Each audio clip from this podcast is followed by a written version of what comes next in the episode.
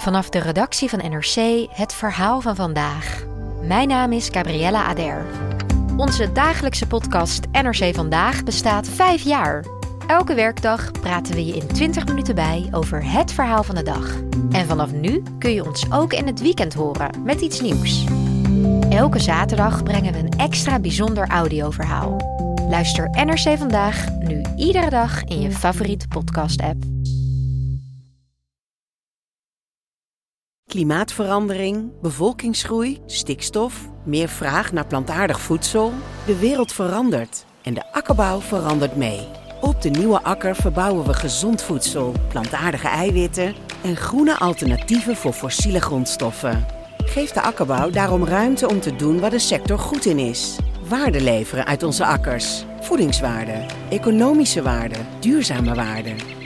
Ruimte voor de nieuwe akker.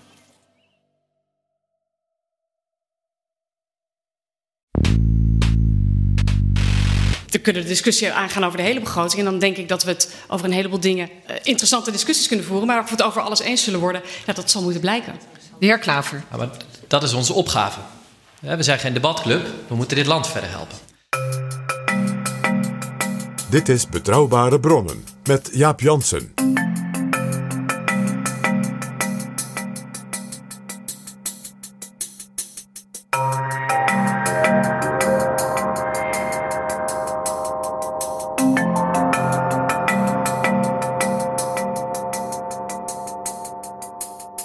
Welkom in Betrouwbare Bronnen, aflevering 215. Voordat we beginnen wil ik graag onze donateurs bedanken. De nieuwe vrienden van de show zijn Erik, Tjeerd, Willem, Richard, Marijn en een anonieme weldoener. Hartelijk dank. Ben jij nog geen vriend van de show? Laat daar dan nu verandering in komen. Ga naar vriendvandeshow.nl/slash bb en help ons deze podcast mede mogelijk maken. En soms doen we iets extra's voor de vrienden. Aan het eind van deze aflevering maak ik bekend wie een exemplaar hebben gewonnen van het nieuwe boek van onze gast in aflevering 214, Paul Rem, Haagse Huizen van Oranje.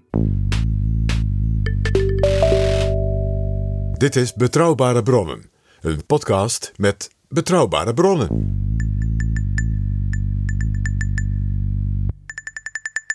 Deze week zagen we in de Tweede Kamer het traditioneel langste politieke debat van het jaar, de algemene politieke beschouwingen. Op een bijzonder moment tijdens een kabinetsformatie die een half jaar na de verkiezingen nog niet op gang wil komen. En een kabinet dat volgens Rob Jette van D66 driedubbel demissionair is. En in het vierde seizoen van Betrouwbare Bronnen is het inmiddels een traditie. Na de algemene beschouwingen praat ik met Roderick van Grieken, directeur van het Nederlands Debatinstituut. Welkom in Betrouwbare Bronnen, Roderick. Fijn om er weer te zijn, Jaap.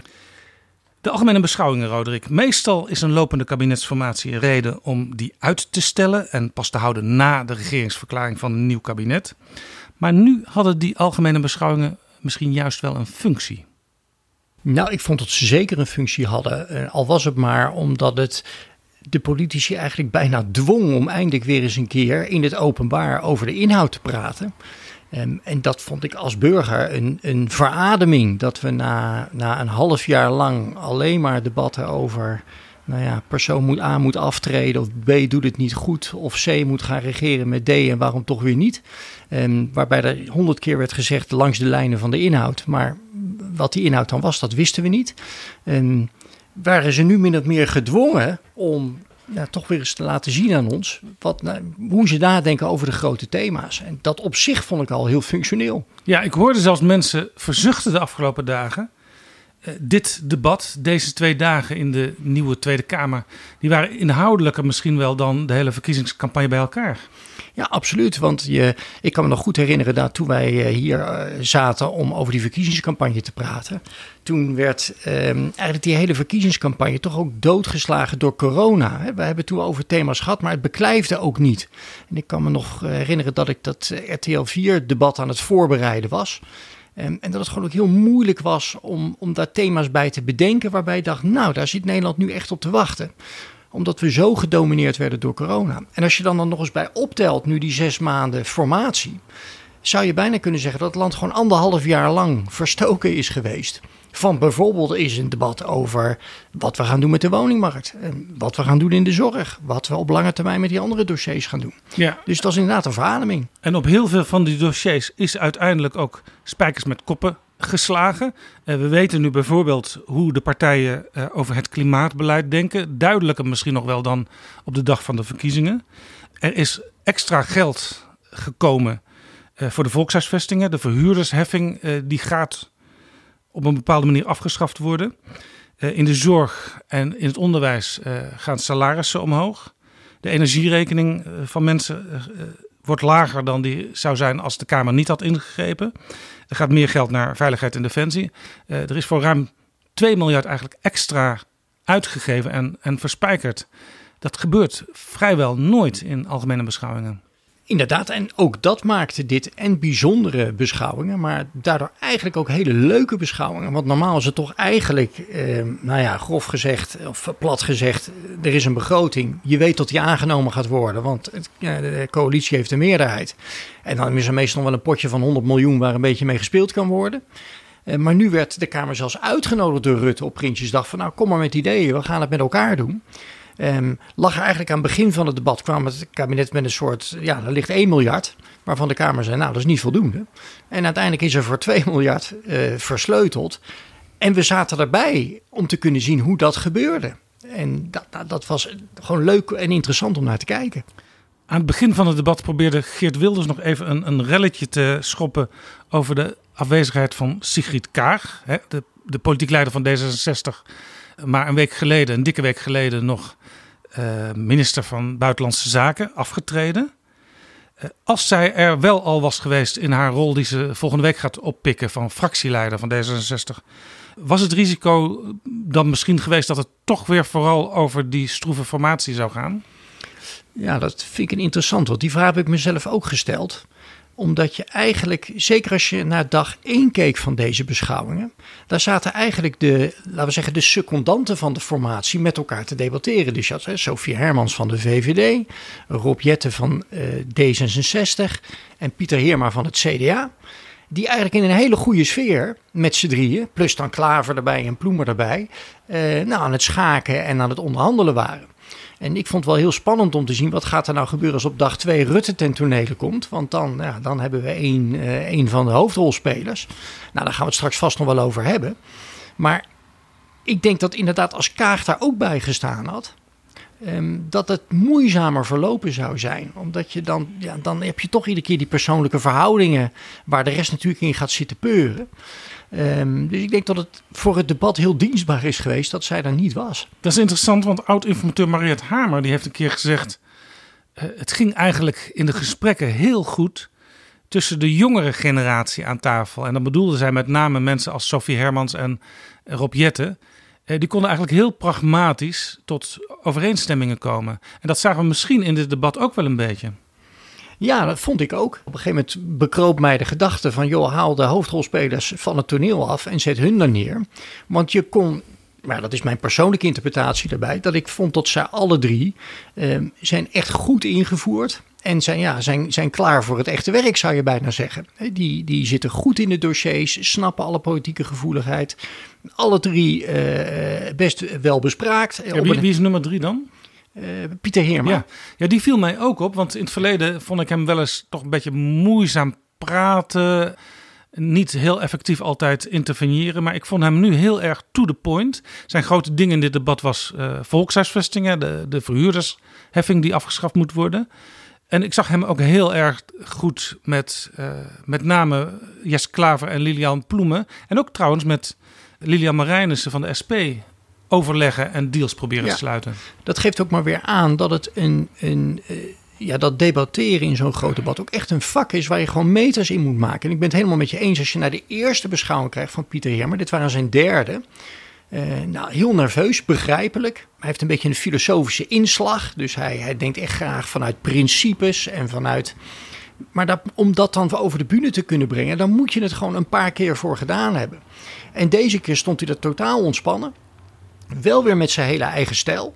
Uh, ik had zelfs het idee dat hij de afgelopen dagen uh, beter gekleed was. Daar, daar, daar let jij dan weer op.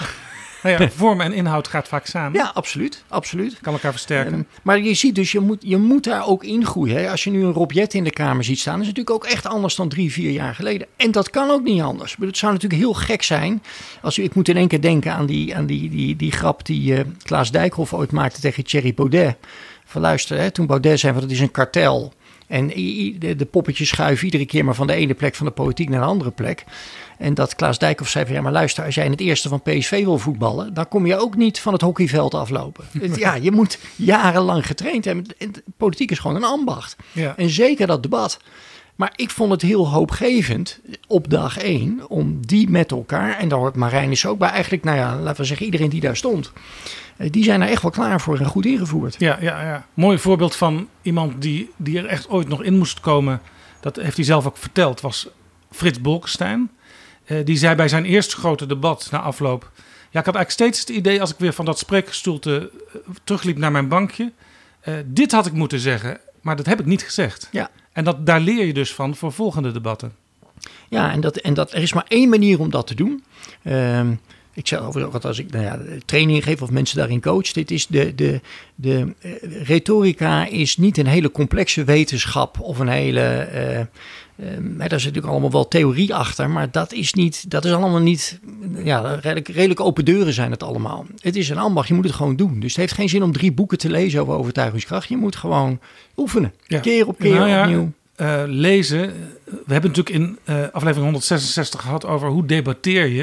En hoe debatteer je effectief. En hoe kun je een stempel drukken op een debat. Door naar andere goede debaters te kijken en te Ja. luisteren kun je, kun je natuurlijk wel wat leren. Ja, maar je moet het dan vervolgens dan alsnog op je eigen manier vervolgens invullen. Ik vond bijvoorbeeld als je naar Sophie Hermans kijkt, daar zie je aan de ene kant heel veel dingen terug waarvan je denkt, joh, dit is eigenlijk gewoon Mark Rutte die daar staat. Alleen de vrouwelijke variant ervan. Dus al dit, datzelfde manier van optimistisch. Zij is ook van de VVD. Zij was ook jarenlang de assistent van Ja. Mark Rutte. Dus hij heeft daar jarenlang naar gekeken. Maar je kan het niet één op één kopiëren. Je moet het dan wel in je eigen stijl, moet je die technieken gaan toepassen. En dat moet door middel van oefening en daarmee aan de slag gaan. Het moet, het moet wel authentiek zijn. Ja, een van de dingen die me bij haar opviel en wat ook heel erg op Rutte eh, lijkt, is eh, zij bleef heel positief en met open houding naar alle andere Kamerleden. Eh, maar tegelijkertijd gaf ze niet snel dingen weg. Dat Ja, gebeurde eigenlijk ja. pas in de, in de laatste uren van het debat. Ja, nou, en dat is, eh, ehm, eh, nou, als je dat beschrijft, die, exact die beschrijving kan je op Rutte plakken. Inderdaad, gewoon met, met meebewegen, eh, sympathiek overkomen, zeggen dat je een vraag ontzettend interessant vindt, dat je ook het, helemaal de visie deelt. Om dan vervolgens net een draadje te maken en te zeggen dat het toch allemaal net iets complexer ligt, maar dat we er hard mee aan de slag gaan. Ja.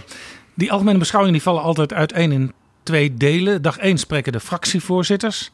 En eh, dat waren er dit jaar maar liefst 19. En op dag 2 begint de minister-president eh, Mark Rutte met een urenlang antwoord. Dan vervolgen de fractievoorzitters met hun tweede termijn en dienen ze moties in om het beleid te veranderen of extra vaart te geven. En tot slot antwoordt de premier daar weer op. En Roderick, jij liep daar ook dit jaar weer eh, rond, nu in dat nieuwe tijdelijke Kamergebouw. Samen met Jaap de Jong van de Universiteit Leiden en met 45 studenten. Eh, jullie keken naar dat debat. Wat jullie dan altijd doen is uiteindelijk een van de debaters tot de beste van deze algemene beschouwingen uitroepen. Wat zijn daarbij je criteria? Ehm, Er zijn vier criteria waar we, eh, waar we naar kijken. Ehm, het doel van de prijs is aandacht vragen voor het belang van een goed debat. Mensen moeten thuis kunnen volgen wat er gebeurt. Ik wil snappen wat het standpunt van een politicus is, wat de visie is en hoe zich die verhoudt tot andere politici. Tegelijkertijd moet dat ook zo gepresenteerd worden dat het niet alleen maar de tegenstelling zoeken is, omdat je in Nederland nou altijd, ja, je zal altijd moeten samenwerken met anderen. Dus je wil aan de ene kant laten zien dat je anders bent, maar aan de andere kant moet je ook op een of andere manier een brug kunnen slaan om samen te werken. Nou, dan kijken we naar vier criteria. Eerste criterium is wie heeft retorisch gezien de beste eerste termijn speech. Dus ze mogen allemaal mogen ze een, een, ja, een speech houden. Dat is in feite je visitekaartje. Dat is je visitekaart. Daarin vertel je van nou, dit is hoe wij eh, de wereld beschouwen op dit moment als partij. En waar we dan naar kijken is van nou, is dan een verhaal waar je als gemiddelde burger aandachtig naar blijft luisteren? Snap je het? Zit er bevlogenheid in? En heb ik aan het eind van dat verhaal het idee van: oké, ik snap, nou ja, dit is de richting die die partij op wil. Het tweede waar we naar kijken is de interrupties. Welke politicus plaatst nou de beste interrupties? En dat kan eigenlijk grofweg in twee richtingen. Je kan een interruptie plaatsen waarin je als doel hebt te laten zien: joh, ik vind A, jij vindt B en ik heb gelijk. Dus dan, dan vergroot je de tegenstellingen op. Of je kan interrumperen waarbij je probeert iets te bereiken met elkaar. Dus samen ergens een stap verder te zetten. Derde criterium is hoe reageer je op interrupties, want je krijgt er zelf natuurlijk ook. En ben je in staat om daar goed antwoord op te geven?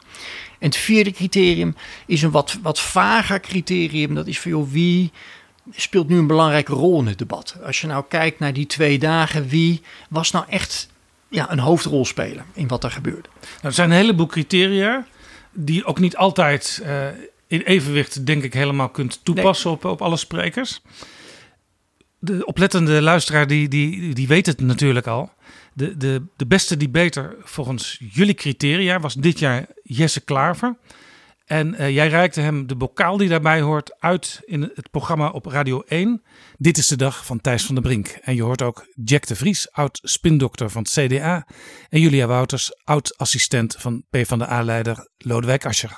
Het is, uh, maar ik zit hier met allemaal politieke junks. Dus dit zijn, dit zijn uh, als je van politiek houdt, zijn dit fantastische. En van het debat houdt, zijn dit fantastische dagen. Maar bent u verrast door de uitverkiezingen? Ja, tuurlijk. Ja, het heel, ik vind het heel eervol. Eindelijk weer eens een debat op de hoofdthema's waar mensen zich zorgen over Dit maken. debat had tijdens de campagne plaats moeten vinden, zeiden wij dat, dat was wel precies wat ik ook dacht. Ja. Uh, en het, was, het, is, het is echt heerlijk dat we uh, dat je echt over de inhoud komt, gewoon over de woningmarkt ja. met elkaar. En, en niet dat je er per se gelijk uitkomt, maar dat de verschillen duidelijk worden, maar ook waar de ruimte ligt. Je hoort dat Klaver er echt plezier in heeft in het debatteren. Dat is misschien ook al een methode om het voor jezelf uh, makkelijker te maken die prijs ooit te winnen. Je moet het ook zelf wel echt leuk vinden. Je moet het niet als corvée zien. Waarom Jesse Klaver? Waarom heeft die dit jaar dat predicaat gekregen de winnaar van het debat? Nou, daar, daar, kan ik het best uitleggen gewoon door naar die criteria toe te gaan. Um, wij vonden dat van al die eerste termijn speeches, en daarbij vertel ik dan nog even dat we, we kijken natuurlijk op de dag zelf daarnaar. Uh, maar we spreken altijd, ook altijd op dag twee, s ochtends vroeg alweer af. En dan zit uh, Jaap de Jong en ik alweer uh, in de Tweede Kamer. Ja, en dan gaan dat, we ook... dat is ook een, echt een lange zit. Hè? Want op de eerste dag hoor je al die 19 fractievoorzitters. Ja. Die hebben ook, zeker de grote partijen, veel spreektijd. Maar dag twee, ja, dan gaat Rutte urenlang antwoorden. En het gaat soms wel drie kwartier voor, voorbij dat hij niet geïnterrumpeerd wordt. Dat, ja, dat, dat gebeurt inderdaad. Maar wat, wat Jaap de Jong en ik dan doen, is dat we s ochtends vroeger alweer daar gaan zitten. En dan gaan we ook gewoon een keer die teksten lezen. Omdat je tijdens dat debat worden, nou bijvoorbeeld iemand als Sophie Hermans, wordt natuurlijk eindeloos geïnterrumpeerd. En dan is het heel moeilijk om aan het eind nou nog door te hebben, joh, wat, wat was nou eigenlijk haar verhaallijn? En dus op die manier proberen we het toch een beetje eerlijk te maken. Hè? Want de ene die kan ja, zijn, zijn hele eerste termijn gewoon oplezen, krijgt geen enkele interruptie. En, ja, en de ander wordt eindeloos geïnterrumpeerd. Ja, het komt voor dat een, een, een, belangrijk Kamerlid, waar iedereen op zit te azen om die, die een beetje dwars te zitten, ja. Ja, dat hij met een spreektijd van een half uur, misschien wel twee uur daar staat. Ja, nou, dat, dat was bij Sophie Hermans. Dit is meestal de grootste uh, regeringspartij, die staat er al heel lang. Dus dan lezen we die teksten ook nog een keer. En om dan te beoordelen, joh, welke tekst zat nou best in elkaar. Nou, waarom dan Jesse Klaver? Op dat criterium vonden we dat hij echt de, de, de beste speech had. Zowel qua inhoud, maar ook qua presentatie, hoe het overkwam. Laten we even luisteren. Er is veel kritiek op hoe wij hier met elkaar samenwerken. En ik begrijp het. Soms lijkt de politiek hier wel veel te veel een, een spel. Alsof het alleen maar gaat over wie er wint aan het einde van een debat. Of wie er nou weer het meest spitsvondig was. En politiek kan ook best een spel zijn of een interessant onderwerp om over te praten als het goed met je gaat. Als je weinig problemen in je leven hebt, als je geld hebt. De besluiten die wij dan hier in deze zaal nemen, hebben maar zeer beperkt invloed op jouw directe leven. Politieke standpunten die je inneemt, die zeggen iets over je identiteit. Niet over hoe iedere dag eruit ziet. Maar heb je geen geld of weinig geld, leef je in armoede, heb je veel problemen, dan doen de besluiten ertoe die wij hier iedere dag kunnen nemen of niet nemen. Hoe zou je deze speech willen omschrijven? Nou, er zitten een paar retorisch hele mooie dingen in. Hij heeft een tweetal principes, ook citaten die steeds teruggekomen. Um, de eerste was, hè, wat wij hier doen, doet ertoe. En het tweede is, wij kunnen hier iedere dag de keuze maken, halen we het beste naar boven of het slechtste naar boven. Dat is eigenlijk het vertrekpunt van zijn denken. Vervolgens ging hij dat uitwerken met voorbeelden van Kamerleden die in het verleden echt het verschil hebben gemaakt. En daar noemde hij allemaal individuele Kamerleden ook. Dat deed hij natuurlijk heel slim. Vooral ook van andere partijen om te laten zien ik wil samenwerken. Ja, en ook Kamerleden die niet op het netvlies van elke gemiddelde Nederlander staan. Absoluut. Nee, zaten voor mij ook eh, weer dingen bij dat ik dacht, oh ja, eh, oh ja. Of soms zelfs dat ik, oh, dat wist ik helemaal niet dat die daar toen zich zo sterk voor heeft gemaakt. Ik kijk naar mijn collega Gertjan Segers en zijn fractie, die zich hebben ingezet voor een kinderpardon. En het verschil wisten te maken. Ik denk aan collega Khadija Ariep. Dankzij haar kwam het initiatiefwet om een kinderombudsman in te stellen. En Sandra Beckerman, die ervoor zorgde dat met haar motie de sociale huren werden bevroren. Mijn eigen collega Bart Snels, die een wet heeft geschreven die ik zelf maar amper snap. Ik denk niemand van ons hier. Maar die er wel voor zorgde dat grote multinationals als Shell meer belasting gingen betalen. En dan noemt hij gewoon een aantal echt. Hè, bijvoorbeeld Boris Dietrich noemt hij nog een keer, die heel veel heeft betekend voor het homohuwelijk. Um, en dan legt hij ook nog even kort uit, ja, dat vinden we nu vanzelfsprekend. Maar toen hij daarmee begon, was er vanuit alle kanten in de Kamer ook kritiek op. Ja, zowel vanuit progressieve hoek als conservatieve hoek. Veel is dat nou wel nodig? Eh, maar dat heeft hij wel bewerkstelligd. Er is één Kamerlid die daar echt. Nou, zo noemde hij allemaal voorbeelden. Ja, hij zei ook: iedere dag kunnen wij hier de keuze maken om het beste of het slechtste in de politiek naar boven te halen. Eigenlijk was dat dus een oproep van mensen: hou nou eens op met gezeik en ga eens gewoon met elkaar praten en onderhandelen en probeer Nederland een beetje beter te maken. Ja, en het past ook heel erg bij hem als persoon. Hij heeft het in het verleden ook op andere manieren geprobeerd te, te doen. Een paar jaar geleden had hij toen zijn speech over de scorebordpolitiek. Hij probeert altijd een beetje dat samen binnen te doen. Maar dit jaar kwam dat heel goed uit de verf. Um, het leek zelfs wel of zijn eerste uh, zinnen in zijn speech... Uh, of dat een herhaling was van ja. dat verhaal tegen de scorebordpolitiek van een aantal jaar geleden. Ja, dat was het enige moment dat ik even dacht: oei, is dit nu. Precies omdat dat, dat was toen niet zo'n succes. En dat het even die kant op bleek te gaan. Ik dacht, oh, is dit nou wel verstandig? Maar het pakte heel goed uit. Maar hij deed nog een twee, iets tweede wat hij deed. Was dat hij, naar onze beleving althans. Uh, want dit was een beetje ideologisch. We moeten samenwerken en voorbeelden, we kunnen het verschil maken en iedere dag de keuze. Maar hij werkte ook goed uit waarom dat ene miljard wat nu op tafel dan lag door de coalitie, waarom het voor GroenLinks ja, principieel niet in orde was om daarmee akkoord te gaan. Hij zei, de uitdagingen zijn zo groot, we moeten breder kijken. We zitten niet in een fase met het land nu dat je kan zeggen, nou ik schuif hier wat of daar wat. Nou, hij zei dat veel mooier dan ik, maar dat werkte hij heel mooi uit. En vervolgens ging hij tijdens het debat, paste hij dat ook praktisch toe de hele tijd. Dus ging hij iedere keer daarop duwen. Dus ja, dat was... Wat daar heel interessant was, als je heel goed naar Mark Rutte had geluisterd op Prinsjesdag, dan hoorde je hem op een bepaald moment in een van de interviews ook zeggen: Het gaat in het debat misschien om wel meer dan dat ene miljard. Ja. En dat heeft blijkbaar Jesse Klaver, of zijn medewerkers, die hebben dat goed gehoord. Eh, want Klaver ging ook meteen kijken in het, in het debat met Rutte of er meer uit te halen was dan 1 miljard. Ja, sterker nog, dat deed hij op dag 1 al bij Sophie Hermans. Die is misschien ook wel goed om te, om te, om te luisteren.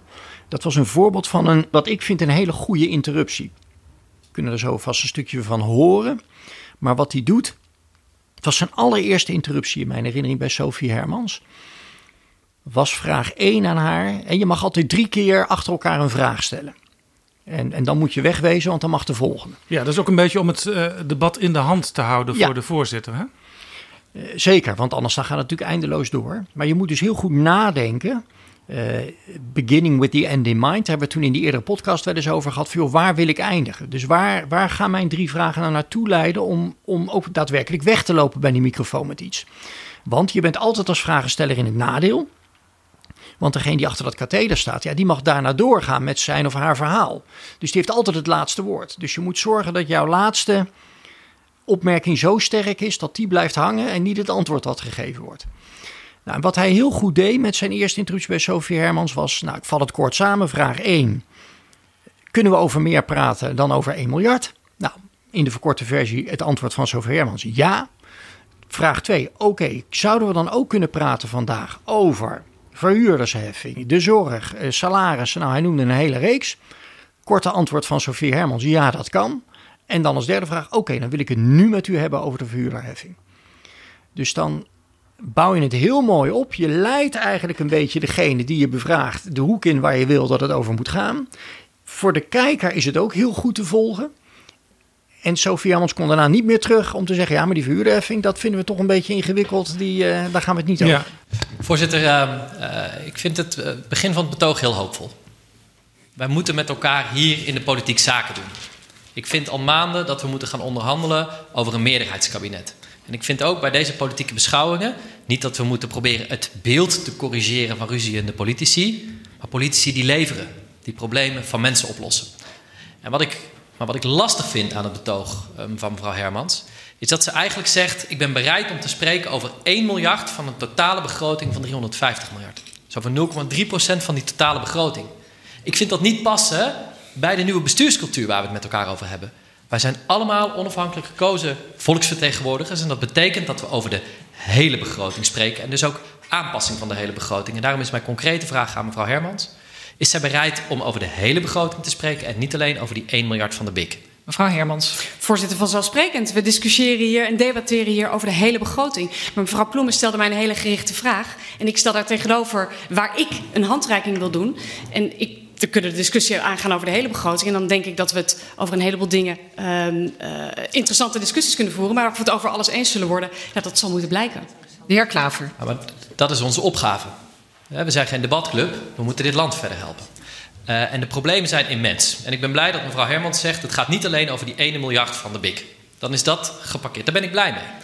Want ik voelde me even ook als oppositie weggezet. Van nou, we hebben hier nog 1 miljard euro. Daar mogen jullie dan over praten en over die besteding. Maar ik begrijp dat dat niet het geval is. Dat is mooi. Dan mijn inhoudelijke vraag. Een van de allergrootste, meest acute crisis op dit moment is de woningcrisis. Mensen die geen woning kunnen vinden en als ze al een woning hebben, dat ze een veel te groot percentage van hun inkomen kwijt zijn, vooral aan huur. Is mevrouw Hermans bereid om daar grote stappen te zetten? Dan denk ik aan het afschaffen bijvoorbeeld van de verhuurdersheffing. Uh, om te continueren dat de huren niet verder gaan stijgen in de woningmarkt. Het was ook een heel slim element wat Klaver hier beetpakte, die verhuurdersheffing. Want hij wist waarschijnlijk al, uh, Heerma van het CDA een beetje kennende, dat dat voor hem ook een belangrijk punt zou worden. Al moest Heerma pas veel later in het debat echt spreken. Uh, en als je weet dat iets binnen de, de oude coalitie ja, een, een heet hangijzer is, waar je misschien wat kan wrikken ja. Uh, dan is dat natuurlijk slim om zo'n punt te pakken. Ja, dus het is ook timing. Hè? Je moet zorgen, dat zie je ook vaak bij, uh, bij interrupties, dat je um, goed moet nadenken van joh, wanneer wil ik? Ja, dat was één voorbeeld, dat was ergens op dag twee. Um, ging over migratie. Toen stond Rutte er dus, toen liep Joost Eertmans naar voren. En die ging hem stevig over migratie ondervragen. ja, we hebben nu um, liggen allemaal mensen in stapelbedden in een, uh, in een sporthal, geloof ik. En nou, die ging een aantal getallen daaraan toevoegen hoe erg het in zijn beleving was met migratie. En achter hem stond Wilders. Dus op een gegeven moment is Eermans klaar, heeft dat punt gemaakt. En toen ging Wilders interpreteren op datzelfde punt migratie. En ja, ging eigenlijk een beetje herhalen wat Eermans al gezegd had. Sterker nog, Wilders kwam met dezelfde getallen. Ja, dan ben je gewoon, dan is gewoon mosterd naar de maaltijd. Dan ziet er een beetje klungelig uit. Vond ik eh, Wilders, die voor de rest nu een, een, van de allerbeste debaters is, vond ik dat een wat minder moment van hem. Maar ik noem het om te laten zien hoe belangrijk timing is op basis van wat jij zegt. Hè. Je moet precies weten. Wanneer kan ik dit punt nou het best naar voren brengen? Ja, Klaver die speelde dus eigenlijk een effectief vragende rol in het eh, debat. Want hij kreeg uiteindelijk heel veel voor elkaar eh, door zich te richten op eigenlijk alle zijden van de Kamer. We weten natuurlijk op dit moment dat Klaver en Lilian Ploemen eh, samen met hun fracties eh, eh, eigenlijk proberen als een soort twee-eenheid die formatie, die kabinetsformatie binnen te komen. Ze spraken hier natuurlijk apart ja. en ze hadden ook aparte interrupties, soms zelfs eh, ook na elkaar. Wat is eigenlijk het belangrijkste verschil als je naar dit debat keek tussen Klaver en Ploemen? Nou ja, als ik het, laat ik het dan retorisch duiden, want dat is toch een beetje waar, uh, waar mijn expertise zit. Um, ik denk dat Klaver en al meer ervaring heeft met dit soort type debatten. Ja. Lilian Ploem is natuurlijk een hele ervaren politica. Maar ja, vooral een bestuurder, hè, minister ja, geweest. Maar dit waren haar eerste algemene beschouwingen. ja, Klaver heeft toch wel iets meer de gave van het woord en ook meer plezier in, in het debat. Je ziet bij, bij, bij Ploemen is het gewoon dat, ehm, is ook net als Klaver natuurlijk inhoudelijk gedreven.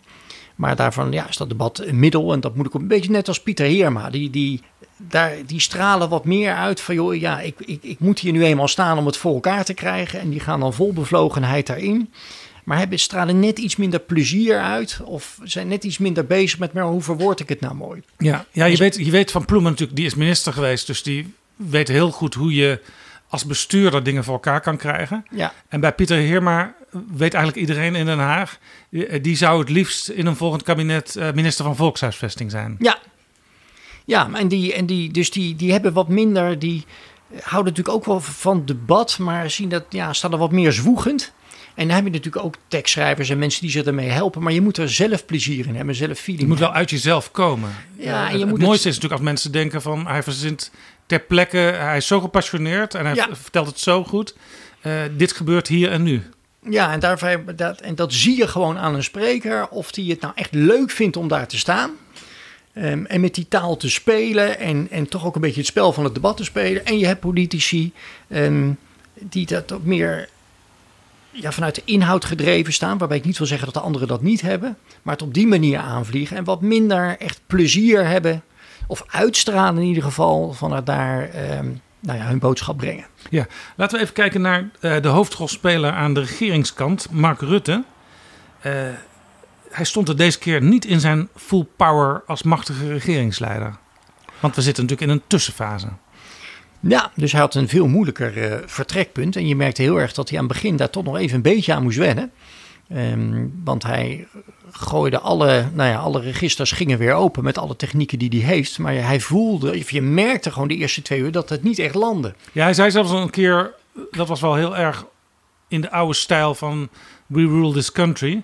Ja, het kan niet, want we hebben gekeken dat het niet kan. Ja, En dat was, is natuurlijk geen argument. nee. Nee, dat kreeg hij ook een paar keer wel voor zijn voeten eh, geworpen.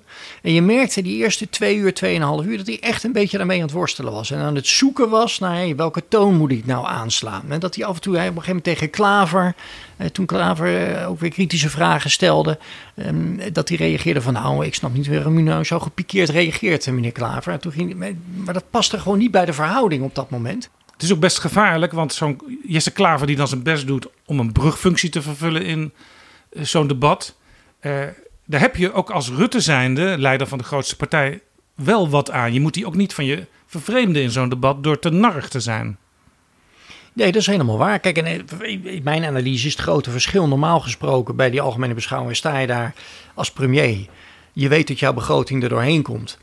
En ehm, je kan zelf een beetje cadeautjes uitdelen naar keuze aan de oppositie. Eh, af en toe. En ze af en toe naar je, een beetje naar je toe trekken en al dan weer van je afstoten. Maar je hebt ze niet echt nodig. Nu heeft Rutte dat nu de afgelopen elf jaar uiteindelijk wel altijd gehad, omdat hij dan weer geen meerderheid in de Eerste Kamer had. Dus die heeft altijd wel moeten spelen met mensen toch een beetje aan de borst drukken. Maar ja, nu was dat natuurlijk helemaal zo. En nu, ook omdat die formatie zo ingewikkeld verloopt, moet hij eigenlijk iedereen te vriend houden. En is er Ja. niemand waarvan die kan zeggen, nou die ga ik eens even een tik op de neus geven. Nee, en, en sterker nog, je, je had het over Sofie Hermans, die als fractievoorzitter van de VVD een open houding moest, moest hebben. Hè, en moest kijken of er toch nog mensen geapaiseerd konden worden. Misschien ook een beetje richting die kabinetsformatie. Maar degene die natuurlijk uiteindelijk echt eh, op de knop kan drukken om ja of nee te zeggen, is eh, de minister-president zelf. Absoluut. En die, maar ja, die, die, je merkte gewoon dat hij de eerste 2,5 uur daar, daar wat zoekende in was. Maar dat duurde ook maar 2,5 uur. En daarna had hij het eigenlijk wel weer als van ouds. Eh, ja, ik, ja, ik kan daar gewoon als liefhebber enorm van genieten. De, de domineert hij weer de sfeer en het tempo. En, en dan geeft hij die weer een aai over de bol. En dan gaat hij met die even een leuk debatje doen. En een grapje hier. En een, zeker bij de mensen die, die toch iets minder ervaren zijn, weet hij ze toch uiteindelijk in te pakken. Zelfs zo'n Caroline van der Plas had hij op een gegeven moment een leuk 1-2'tje mee. Eh, volgens mij ging het over de Oostvaardersplassen. Eh, waar zij dan hele kritische vragen over had.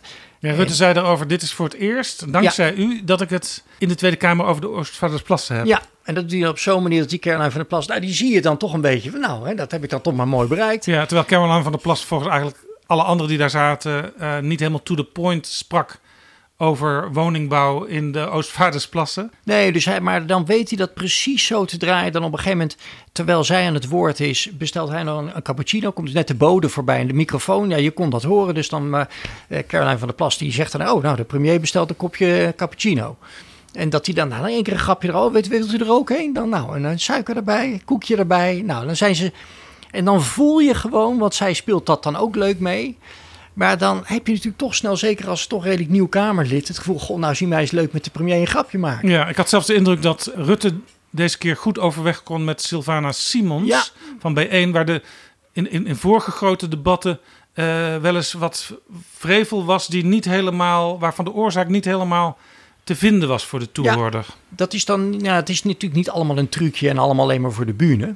Daar had ik wel het gevoel dat hij ook echt zijn best aan het doen was om haar inhoudelijk te vinden. Ik vond overigens dat Sylvana Simons dat zelf ook goed deed.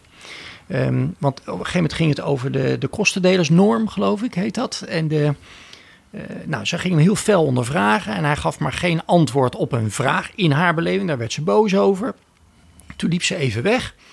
En toen reageerde hij daar echt op. van, "Joh, Ja, ik zie u nou geïrriteerd weg. Maar ik snap oprecht niet wat het nou is. En toen kwam ze weer terug even later. Toen had ze nog wat eh, extra informatie. Ja, en toen kreeg ze van de Kamervoorzitter ook ruimte om Ja. nog even haar punt te maken. En toen zei ze, joh, ik heb zelf een fout gemaakt. Mijn huiswerk niet goed gedaan, maar u ook niet. Eh, nou, ging zij dat uitleggen. En toen kwamen ze echt bij elkaar. En dat voelde je in de rest van het debat. Eh, er was ook nog een fragment hoe het over het slavernijverleden ging. Waarin, ehm, in mijn herinnering, zij ook wel... Ja, het echt Ja, dat ging erover. Rutte zei steeds als het ging over excuses maken voor het Nederlandse slavernijverleden. Want de regering is eigenlijk de rechtsopvolger Ja. van alle voorgangers die ooit de grote fouten gemaakt hebben. Eh, Rutte zei ja, dat is allemaal wel heel lang geleden. En dat, dat kun je bijvoorbeeld niet eh, vergelijken met de, met de holocaust of, Ja. of dergelijke dingen. Want dat is allemaal nog heel dichtbij. Ja, en hij En knipte... toen noemde zij, eh Sylvana Simons, de oma van haar moeder. En daarmee zeggen het is eigenlijk nog best wel dichtbij Ja. allemaal. Ja, en toen, kon Rutte het ook nog weer mooi opknippen. Hij zei, nou, ik worstel ook als... Nee, ik sta hier natuurlijk als premier. Maar ook als persoon, Mark Rutte, ging hij uitleggen waarom hij ermee worstelde. Dus hij wist dat maar. En, en voor mijn gevoel was dat voor Sylvana Simons ook... Nou, dat vond, eh, kwam waar, eh, vond dat een oprecht gesprek. Dus het is niet... af en toe lijkt net of ik, of ik denk dat er alleen maar trucjes en spelletjes gedaan worden. Dat, dat, dat is natuurlijk niet altijd het geval. Maar Ja. heeft er, heeft er belang bij mensen dichtbij zich te houden. Zo is hij ook als persoon. Hè? Het liefst wil hij met iedereen. Ja, eh, ja je hebt vrienden ook, zijn. daar heb je ook, als je naar premiers door de jaren heen kijkt, ook grote verschillen. Rutte lijkt Ja. hier een beetje op eh, Ruud Lubbers, die dat, die dat ook wel had. Die ook de kleinere fracties eh, uitputtend beantwoordde bij algemene beschouwingen. En mensen die dat veel minder hadden, waren, dacht ik, eh, Wim Kok Ja. en eh, Jan-Peter Balkenende, die veel meer naar de coalitie keken. En dan misschien nog naar één of twee partijen die misschien in de toekomst wel eens in een coalitie zouden kunnen komen. Maar daar zie dat zijn ook weer voorbeelden dus van twee politici. Bij wie, en ik chargeer het nu heel erg, die wat minder plezier hadden in dat debat. Eh, Die doen een ongelooflijk complex vak, lijkt mij, om premier te zijn. En op een gegeven moment ben je dan ook beperkt van, oké, ik heb nu die meerderheid. Nou, daar, daar gaan we dan mee door. Daar heb ik al handen, nou, daar heb ik mijn handen al aan vol. En dan als ik nou ook op de, al dat andere gezeur en gezeik moet reageren, laat dat maar even links leggen. Ja. En Rutte is een politicus die, die er en plezier in heeft om daar te staan. eh, Dat ook goed kan. eh, en ook continu ja, met iedereen in gesprek Ja, blijven. ja ik, had, ik had de afgelopen tijd zelf wel eens de indruk van Rutte dat hij vermoeider was dan we hem kenden. Eh, maar in de loop van dit debat viel dat beeld weer helemaal van hem af. Ja, en kan eh, hij zal best heel vermoeid zijn, maar hij vindt dit oprecht leuk. Dat spat er gewoon vanaf, omdat hij het ook intellectueel, maar ook als politiek dier. Wil hij gewoon zo'n Sylvana Simons ook snappen? En wil hij daarmee in gesprek? En daarachter komen hoe zit dat nou precies? Eh, en weet natuurlijk ook dat hij dat veilig kan doen, omdat hij er goed in is. Dus je, je, ja, je kan je talent kan je tot volle wasdom eh, eh, kan je volledig uitvinden tijdens dat debat. Ja. Toen Sophie Hermans haar rol vervulde van ja, kijken van waar we misschien toch nieuwe meerderheden kunnen vinden. En Jesse Klaver die handschoen oppikte. Was er nog een derde in de zaal die eh, die rol ook op een bepaalde manier speelde. En dat was eh, Rob Jette, de, de nu nog fractievoorzitter eh, van D66. Die was in mijn beleving ook heel effectief. Absoluut. Ja, die was in zijn, uh, in zijn interrupties deed hij het ook heel goed. Hè? We, hadden, we waren net een beetje blijven hangen bij waarom wint dan uiteindelijk Klaver de prijs. Um, nou, dat zat dus deels in zijn eerste termijn. Ik vond bij, bij Rob die eerste termijn niet heel sterk. Het deed me een beetje echt denken aan Pechtold. Pechtold was daar ook nooit zo goed in. Die was ook beter in dat debat. En die eerste termijn was bij hem ook meestal een, een waslijstje gewoon, of een, een boodschappenlijstje. En als je die tekst terugleest bij, um, um, bij Rob Jette, dan, dan zie je ook echt nou even een inleiding. En dan oké, gaan we nu naar wonen. En dan gaan we naar zorg. En dan gaan we naar even al die dossiers. Maar was er misschien bij D66 na de HJ schoollezing van Sigrid Kaag ook wel behoefte om een wat meer pragmatische aanpak ja, dat, te kiezen? Daar kan, kan een heel idee achter zitten. Hè. Ik kijk het, bekijk het natuurlijk alleen maar retorisch. Maar in de, in de interrupties uh, scoorde bij ons Rob Jette ook heel hoog. Net als Esther Ouwehand trouwens. Die Esther Ouwehand scoorde ook heel hoog. Uh, samen met uh, Gertjan Segers op het gebied van hun eerste termijn. Die hadden ook allebei een gewoon een mooie eerste termijn. Segers kan ik, heb ik nog echt voor de geest staan. Die had het over twee bergen. Ja, hij begon wel met wat je misschien een cliché zou kunnen noemen, namelijk het citeren van een assistent van Martin Luther King. Ja, maar hij werkte het wel mooi uit. En, en het was ook een mooie cirkelreden, want hij eindigde ook wel weer bij, bij Martin Luther King. En hij had iets wat, wat, wat, wat, wat een krachtig beeld was van in een polariserende wereld. Dat was wat hij bij Martin Luther King aanhaalde is het belangrijk, had hij een hele mooie anekdote bij, maar je moet elkaar in de ogen blijven kijken. Dus je moet eigenlijk, althans zo kwam het bij mij binnen, hoe groter de tegenstelling is en hoe moeilijker je het vindt om de ander te begrijpen, hou oogcontact. Ja, mag ik daar misschien even een zijpad inslaan? Want er was natuurlijk een moment in het debat uh, dat een aantal mensen elkaar niet in de ogen keken. En dat was toen ja. Thierry Baudet laat op de avond uh, van de eerste dag zijn Mhm. speech hield. Je zag in het regeringsvak minister De Jonge uh, met de rug naar Thierry Baudet toe gaan zitten. Baudet die had natuurlijk ook een verhaal anti alles wat Hugo De Jonge op coronaterrein had gedaan. En je zag zelfs dat na een aantal interrupties uh, de fracties van D66 en GroenLinks de zaal uh, verlieten.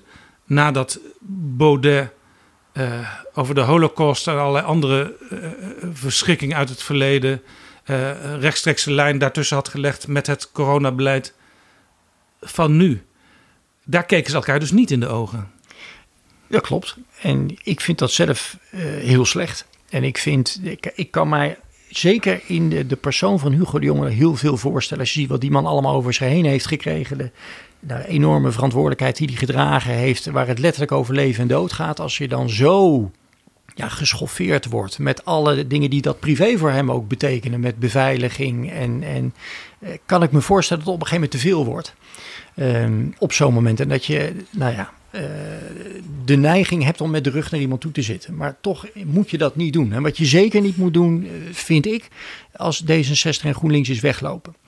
Um, ik had ook de indruk dat het vrij spontaan gebeurde. Want GroenLinks en Partij van Arbeid die vaak samenwerken, die deden dit dus niet samen. Nee. De ene vertrok wel en de ander ja. niet. Uh, Ploemen, want dat was. Uh, ik zat, ik, het merendeel kijk ik ook via de televisie. Wel, weliswaar in de Tweede Kamer, maar omdat je dan toch het beste zicht hebt. Maar toevallig zat ik toen net in de Kamer. Ploemen zei: Ik ben democraat en ik ja. loop niet uit een debat weg. Absoluut. En, en, en terecht. En zij keek hem ook strak aan. Dus ze heeft de hele tijd. En nou, dan kom ik terug op het oogcontact van Zegers. Het zal moeilijk zijn, maar dit is nou eenmaal de essentie van die democratie. En dat is dat daar een gekozen volksvertegenwoordiger staat. Het gaat niet eens om Thierry Baudet en wat hij daar roept, maar daar hebben mensen op gestemd. Dat zijn mensen zoals jij en ik, die gewoon belasting betalen in het land, hier wonen, evenveel rechten hebben, evenveel inspraak hebben. Om hun moverende reden hebben ze op uh, Forum voor Democratie gestemd. En als je wegloopt bij Baudet, loop je weg van die mensen. Ja. En, en zeg je, keer je rug naar die mensen. En dat is, nou ja, uh, ode aan, aan Segers. Je kijkt elkaar dan niet meer in de ogen. Segers speelde ook een interessante rol in het debat. Behalve dat hij mooi sprak. In de dagen voorafgaand aan het debat had hij zich eigenlijk gedistanceerd van de coalitie. Hij zei, de coalitie bestaat niet meer. Het kabinet is demissionair. Maar hij kwam wel op een bepaald cruciaal moment uh, Mark Rutte te hulp in het debat. Er is een motie aangenomen. Als u dit niet doet, waarom zouden we dan in vredesnaam nog met elkaar hier nog voorstellen indienen? En ik wil markeren dat de minister-president zich ongelooflijk arrogant opstelt. Toen de motie was ingediend al en nu weer. Ik begrijp het echt niet. We voeren de motie uit. We gaan de salarissen verhogen in de zorg nadat we daar een hele lange discussie over hebben gehad. U voert de motie niet uit als u niet ook uitvoert hoe die moet worden betaald. Die salarisverhoging. Wij laten ons gewoon piepelen. De demissionair premier zet de verhoudingen met het constructieve deel hier in de Kamer echt op scherp. Wat ik aan toe wil voegen is dat de ChristenUnie is een van de indieners van die motie.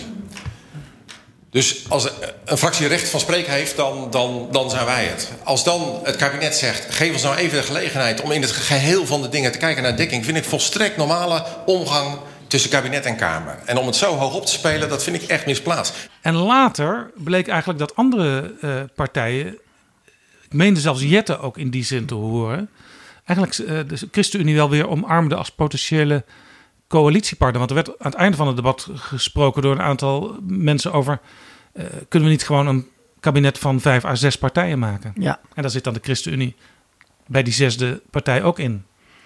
Ja, daar vind ik, maar dat is meer de politieke duiding. En dat is uiteindelijk niet mijn, uh, mijn specialisme. Maar ik vind dat, dat die houding van ChristenUnie af en toe ook een beetje verwarring op mij zaait. Van joh, willen ze nou wel of willen ze nou niet? En je weet zeker iemand als Mark Rutte, als je natuurlijk één millimeter ruimte geeft, dat je toch nog bereid bent om aan een tafel te zitten.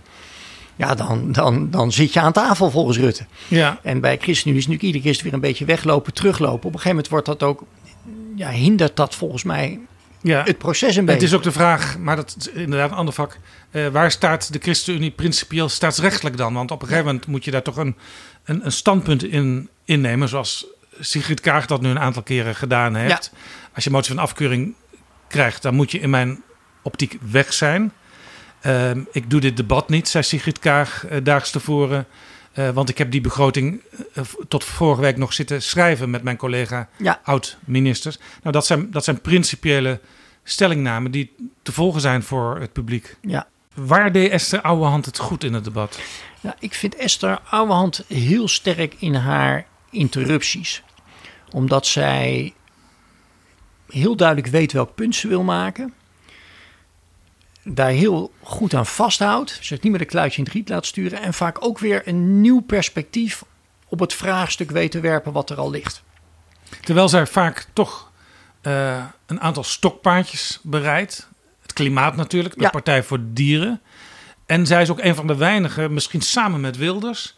eh, die nog steeds heel erg benadrukt dat eh, Rutte niet meer in deze tijd past. Dat Rutte eigenlijk van het politieke toneel moet verdwijnen. Ja, maar zij doet het dan wel maar met haar eigen stijl, maar toch ook wel weer op een manier die aankomt. Of die in ieder geval een beetje pijn doet. Ik vond haar bijvoorbeeld bij Sophie Hermans. eh waren twee momenten die mij bij zijn gebleven.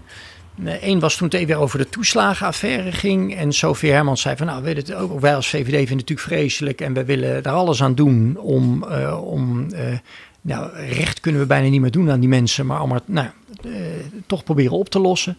En dat zij in mijn beleving wel redelijk ragfijn zei van nou, als dat nou zo belangrijk voor u was geweest. En als u nou volledig had erkend hoe groot de schade is die aan deze mensen is toegericht.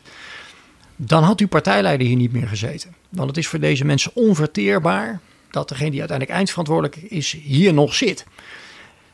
Ik vond dat wel een beeldende manier om je punt te maken. En even later ging het over de woningmarkt. En eh, toen zei Sophie Hermans, nou, daar hebben we een groot probleem en dat moeten we oplossen. Toen was ze heel mooi uit te leggen, ja, maar u, bent, u doet net of dat probleem uit de lucht komt vallen. U bent veroorzaker van het probleem. Eh, u heeft eh, die huisjesmelkers de, de, de volle baan, ruim baan gegeven. Ja, zij, zij heeft daarin ook echt een andere stijl, denk ik, dan haar voorganger Marianne Thieme. Ja, ja ze is ja, echt wel... ja, scherp. Thieme was meer met eh, een vraag stellen en dan een conclusie trekken en weer terug naar het bankje. Ja, niet, ja, wat minder scherp in die, in die interrupties en ook het reageren op elkaar. En ze was op dag twee, voegde zij wat toe aan die discussie waar aan het begin en ze twee uur bezig waren met of nou die salarisverhoging in de zorg gekoppeld moest worden aan het verhogen van de VPB. Een motie die dan niet was uitgevoerd. Nou, daar werd iedere keer op ingezoomd van dat had u moeten doen, dat had u moeten doen. En zij is dan in staat om op een gegeven moment datzelfde punt te maken, maar van een ander perspectief. Dan zegt ze: Oké, als u nou, want u betoogt de hele tijd, eh, meneer Rutte, dat dat niet kan, omdat het wetstechnisch heel erg ingewikkeld is. Dan had u dat moeten zeggen op het moment dat u de motie afkeurde toen die hiervoor lag. Als u toen in het debat had gezegd: wij als kabinet keuren dit af, want het is wetstechnisch allemaal niet mogelijk. Dat kan. Maar je kan niet als demissionair kabinet zeggen: van weet je wat, we gaan de motie uitvoeren. En dan een paar maanden later hier met een briefje terugkomen van: ah, nee, we, doen het toch niet. Dan wordt het in feite een gezocht argument als Ja. mosterd na de maaltijd. Het was vooral een nieuw perspectief op hetzelfde vraagstuk. Het voegde wat toe, waarbij ik op de bank, eh, die ernaar zit te kijken, denk: hé, hey, ja, dat vind, ik, dat vind ik wel een logisch argument waarom dit inderdaad niet klopt wat hij zegt. Ja, Roderick, we gaan even naar een van onze sponsors en daarvoor schrijft ook PG aan.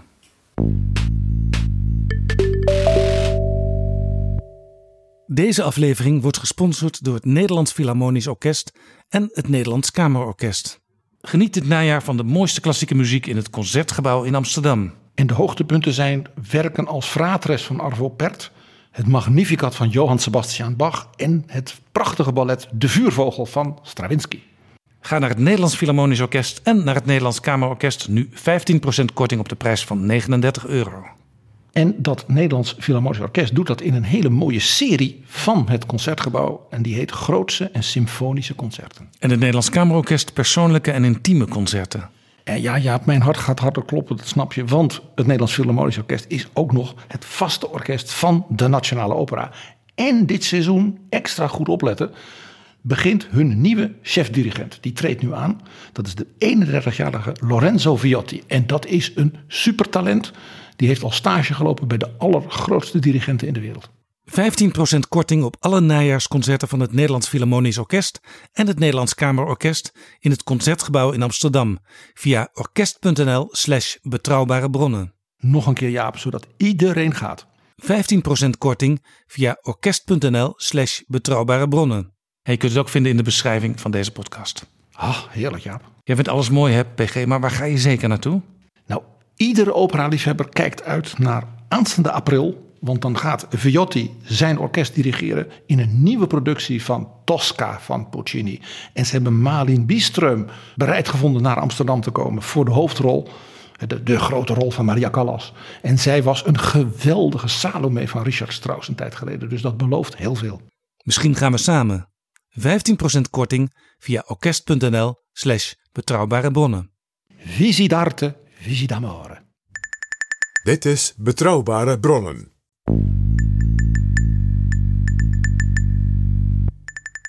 Nog even een andere deelnemer, want die hebben we eigenlijk na- nauwelijks eh, genoemd. En jij bent vaak in eerdere afleveringen van Betrouwbare Bronnen, waar jij te gast was, bleek dat ook heel positief over de debattechnieken van Geert Wilders. Eh, maar had die in dit debat, waar toch uiteindelijk naar nieuwe meerderheden gezocht werd in het brede midden, had hij in dit debat een bepalende rol? Nee, vind ik niet.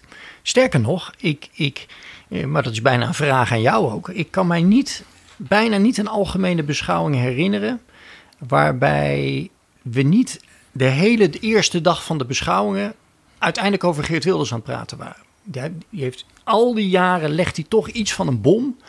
wat de hele eerste dag domineert. En Ja. wat s'avonds ook de opening van het journaal is. Hij heeft natuurlijk ook het voordeel eh, altijd gehad tot, tot de verkiezingen. eh, dat hij de eerste oppositiespreker was. Ja. Grootste partij in de oppositie. Nou, zijn partij is inmiddels wat kleiner geworden. Eh, toch mocht hij in dit debat ook nog als eerste spreken.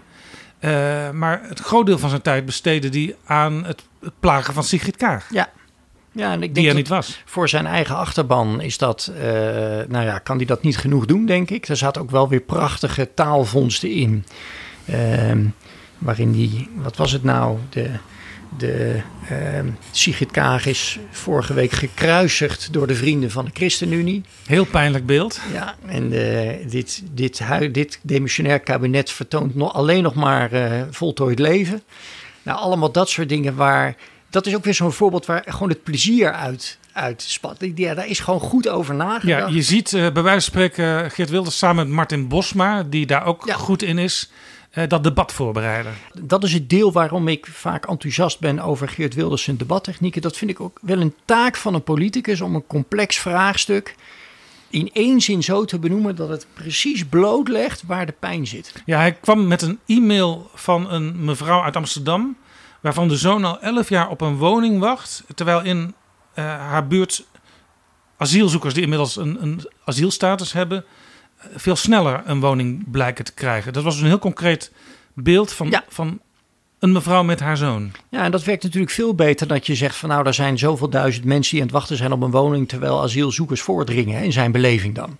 Eh, Dus je wil het zo vertalen dat het in één keer raakt. Hè. Je overtuigt deels met argumenten, maar je overtuigt veel meer door ze zo te kleuren dat het precies ja, diegene raakt die je wil raken. Ja, want dit is ook typisch een voorbeeld wat je ook wel eens hoort op bij wijze van spreken verjaardagsfeestjes.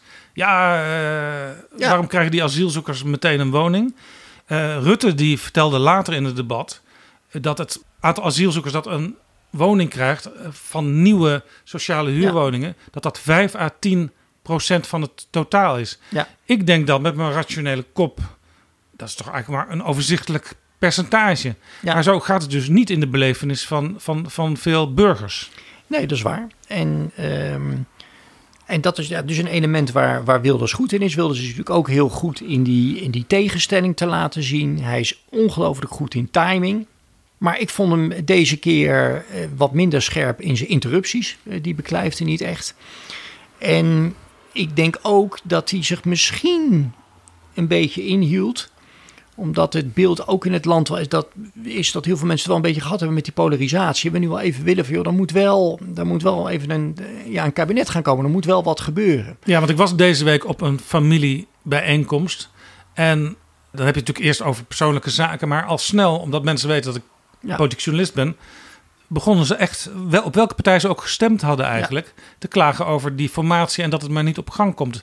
Eh, Dat, dat, dat speelt misschien nog wel meer dan ze aan het Binnenhof... of nu in het nieuwe tijdelijke Kamergebouw... dan ze daar beseffen. Ja. Ja, en normaal, ik denk dat er extra frustratie erin zit. Eh, A natuurlijk, hè, we hebben, wat we het net over hadden, corona, dat heeft nog een keer een extra jaar gekost waarin we het niet over de inhoud hebben gehad. Ik denk dat mensen thuis het best snappen als partijen er inhoudelijk niet uitkomen, maar je wel enigszins op de hoogte bent waar ze dan niet uitkomen. Stel dat het nu al een half jaar vast zou zitten op de woningmarkt, ik noem maar wat, en je weet VVD vindt A en, en D66 vindt B en daar komen ze maar niet uit. Dat vind je heel frustrerend. Dan kan je nog steeds zeggen, joh, kom op, koppen tegen elkaar, ga wat doen. Maar het is natuurlijk vele malen erger als, als je alleen maar hoort, we komen er niet uit. En het volstrekt onduidelijk is waarom ze er niet uitkomen. Ja, en je zou ook kunnen zeggen dat eigenlijk het gelijk is aangetoond in het debat van de afgelopen dagen van informateur Cenk Willink en informateur Hamer, dat er op de inhoud best overeenkomsten Ja. te vinden zijn tussen al die verschillende partijen. Want dat hebben we gewoon eh, deze week gezien. Ja, dus, daar, dus het moet wel in die persoonlijke verhoudingen zitten. En ja, dat is natuurlijk dat is bijna niet te verteren. Want je, je, je, ja, als burger denk je van ja, maar het kan toch niet zo zijn dat ik nu verstoten ben van een kabinet, omdat er drie mensen zijn die het niet met elkaar kunnen vinden. Tegelijkertijd snapt ook iedereen wel van ja, het gaat ook in het dagelijks leven vaak om de persoonlijke verhoudingen. Ja, er was ooit een, een kabinet eh, van acht Den Uil Terlouw. We hebben het een aantal afleveringen van Betrouwbare Bronnen geleden. Heb ik het er met BG Kroeger eh, uitgebreid over gehad. Over die kabinetsformatie toen. Dat waren drie politieke leiders. Waarvan de- 81 toch? Of, 1981. Waarvan er twee ja, eigenlijk onwrikbaar tegenover elkaar stonden. Eh, Joop den Uil, die zijn tweede kabinet ooit nog wilde. Maar hij moest accepteren dat Dries van Acht de premier zou worden van een kabinet waarin hij vicepremier zou worden. En dan als derde nog Jan Terlouw van D66, die nog als een soort brug daartussen probeerde te functioneren. Ik herinner me uit die hele kabinetsperiode, die maar acht maanden heeft geduurd, dat in de Tweede Kamer eh, de fractieleiders Ruud Lubbers van het CDA, Wim Meijer van de Partij van de Arbeid en Laurens-Jan Brinkhorst van D66 eigenlijk heel vaak goed konden samenwerken met moties en zo. En dat je toen dacht, eh, zaten die maar met z'n drieën in dat kabinet. Eh, dat idee kwam, kwam nu een aantal keren bij me op. In, in dit debat kun je niet gewoon eh, Jette, Heerma, Ja. Sophie Hermans en anderen daar neerzetten. En Klaver en, en noem ze allemaal maar op. Want dan, dan, dan loopt het gewoon gesmeerd. Ja. Nee, zeker. Nou, dat is een beetje waar we het net over hadden. Toen op dag één, toen ik ernaar zat te kijken, had ik precies dat gevoel van, nou, dat gaat eigenlijk hartstikke goed met die talentvolle mensen, goed ingevoerd. Nou, zit die er maar. Ja, Roderick, één naam van al die debaters is nog niet gevallen. En dat is de man die als laatste sprak als nummer 19 met zes minuten spreektijd op de eerste dag. Pieter Omtzigt. Hij stond redelijk vaak ook aan de interruptiemicrofoon. Hoe heb je naar zijn optreden gekeken? Het is natuurlijk iemand waarvan heel veel mensen in het land veel verwachten. Er was onlangs ook een peiling van Maurice de Hond. Als Pieter Omtzigt een eigen partij zou oprichten, dan zou hij misschien wel 25 zetels krijgen. Dat moet je altijd met een korreltje zout nemen, want dat soort cijfers heeft Rita Verdonk ooit ook gehad. En vervolgens kreeg ze nul zetels. Maar hoe deed Omtzigt het in dit eerste debat als zelfstandig Kamerlid? Ik moet eerlijk zeggen dat hij me niet heel erg is opgevallen. Dat hij, ehm, ik vond hem, hij was natuurlijk de allerlaatste spreker. Ehm, dan is het al, wat was het, rond middernacht. 12 uur ongeveer, ja. En ehm, ik vond hem ook zelf, maar dat, ik ben geen, geen, geen arts en geen psycholoog, maar ik vond dat hij ook echt nog wel vermoeid overkwam. Eh, wat iets minder scherp uit zijn woorden kwam. Ik vond hem ook bij de interrupties vaak eh, wat zoekende en niet... nou ja, niet, de, de- niet iemand die topfit daar staat en, en ook weer echt eager daar staat om. Ja, ik had, ik had zelf ook meer van hem verwacht. Want de, de dagen voor het debat eh, heeft Omtzigt nog een heleboel vragen gesteld over de nieuwe bestuurscultuur. En wanneer komt die nou eindelijk? Toon daar eens wat van, eh, premier. Ik dacht, dat wordt zijn thema. En de- hij gaat als een, als een hond aan die broekspijpen Ja. bijten tot daar antwoord komt.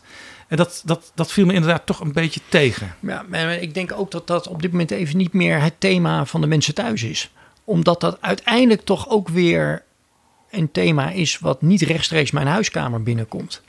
Dus natuurlijk vinden wij altijd dat die politiek anders zou moeten en de, de, de cultuur, de cultuur zou anders moeten. Maar als er al een half jaar lang niet meer is gesproken over de problemen bij mij thuis, dan interesseert die hele bestuurscultuur me uiteindelijk niet meer. Ik wil dus gewoon praten over waar ik mee zit.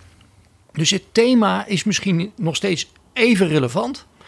Ehm, is misschien ook heel belangrijk. Maar het is op dit moment in de formatie niet een thema waarvan je denkt, nou, daar, daar zit iedereen nu nog op te wachten. Ja, een week eerder was er een thema waar Omtzigt dominant was. Dat was het, het Afghanistan-debat. Eh, en daar kon hij ook heel goed in zijn rol, die we van hem kennen, eh, met het vragen naar stukken, eh, bewindslieden in moeilijkheden brengen. Nou, er- er traden er uiteindelijk ook twee af. Dus je, je moet eigenlijk een combinatie van twee dingen hebben. Je moet min of meer eigenaar van een thema zijn, zoals Ja. Omtzigt natuurlijk in het verleden ook bij de kindertoeslagaffaire was. En het moet het juiste moment ook zijn voor dat thema, wat met de bestuurscultuur in dit debat niet het geval was. Ja, mensen moeten er net op dat moment op zitten te wachten. Dat zie je natuurlijk heel vaak. Daarom zijn verkiezingen vaak zo onvoorspelbaar. Ehm, omdat dat een van de bepalende factoren is. Hè. Wat is er nou net in die weken het onderwerp wat mensen echt belangrijk vinden en waar ze mee bezig zijn? Als dat nou toevallig net jouw thema is, ja, dan kan je opeens omhoog schieten. En het kan ook net zijn dat je, nou bijvoorbeeld met eh, klimaat jouw thema helemaal is, maar dat dat net niet is waar mensen op dat moment het meest van wakker liggen. Ja, dan kan je het van de daken schreeuwen. En dan ga je ook zeker wel zetels halen, maar je gaat niet je grote doorbraken maken. Ja, er is natuurlijk nog een nieuw Kamerlid, Laurens Dassen van Volt. Hoe ontwikkelt hij zich? Nou, dat is ook iemand die ik niet heel erg opvallend vond in, eh, eh, in het debat. En met name, die had natuurlijk ook het nadeel dat hij een van de allerlaatste sprekers was. Dus dan kan je, nou ja, zelfs ehm, ehm, liefhebbers zoals jij en ik zijn dan op een gegeven moment toch ook wel. Dan heb je al zoveel sprekers gehoord en het is laat in de avond. Dan ligt er een extra moeilijkheid voor de spreker om een zaal nog te pakken te krijgen. Nou, in mijn beleving lukt hem dat niet echt meer. Maar ik vind dat hij ook nog verder moet gaan groeien, met name in zijn interrupties. Ehm, nou, waar we het eerder over hadden, je moet de interrupties goed doordenken. Ja, het moet wel ergens toe leiden. Je moet Ja. wel weglopen en dat mensen thuis denken: hé, hey, dat Het is, heeft het is nog te vaak bij Dassen, denk ik. Hij stelt een relevante vraag, eh, maar hij heeft daar verder geen eh, opbouw naar een vervolg bij. Nee, want als het alleen een vraag is. Ik vond daar, de, dat is, de- ik denk dat die misschien niet eens op jouw lijstje staat. Maar ik vind het toch zelf een van de meest eh, bijzondere verschijningen in de Tweede Kamer. Liane Den Haan.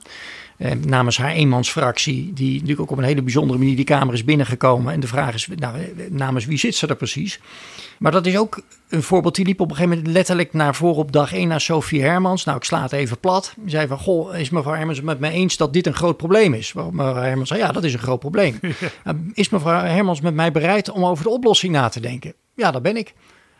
Oké, en toen liep ze weer weg. Maar dan moet de oplossing volgen. En dan moet je kijken of Hermans meteen Ja, dan moet je eh, met- ja. in, in dat vakje geschoven kan worden. Ja, dan moet je met, met iets komen. Dus je, moet, eh, hè, dus je hebt altijd twee typen interrupties. Of je gaat duidelijk maken eh, jij en ik verschillen van mening en ik heb het bij het rechte eind, dan weet ik thuis van, oh, nou, dat is interessant. Of je probeert iets te bereiken. Ja, Caroline van der Plas, die natuurlijk ook nieuw is. Die kwam ook met zo'n opmerking die je ook vaak op verjaardagsfeestjes hoort. Namelijk, ze zitten daar helemaal niet geïnteresseerd eh, naar elkaar te luisteren. Ze zitten allemaal op hun iPad en op hun telefoon te spelen. Uh, zij maakte daar een punt van. Dus iedereen toch een beetje beschaamd op dat moment. Maar later bleek Van der Plas dat zelf ook te doen. Ja, en dat was weer zo'n zo'n typisch zo'n momentje bij Sophie Hermans... waarvan ik dacht, hé, hey, kijk, dat is iemand die, die ook plezier heeft in het debat. Want die benoemde dat. Dus je, Caroline van der Plas heeft die interruptie geplaatst waar je het net over had. Van zit allemaal niet op je telefoon, het is onbeschoft. En dan een paar uur later of een uur later is ze heel scherp eh, Sophie Hermans aan het ondervragen. Heeft haar laatste vraag gesteld. Sophie Hermans is nog bezig met het antwoord, terwijl zij alweer terugloopt naar de plek. En dan terloops zegt ze, Sophie Hermans ook, oh, zie dat mevrouw van der Plas alweer op de iPad zit. Dat geeft dus aan dat je dat tikje even uitdeelt ook even subtiel en ondertussen doorgaat met je beantwoording. Dat is zo'n voorbeeld van ook plezier hebben in het daar staan en, en spelen met wat er gebeurt.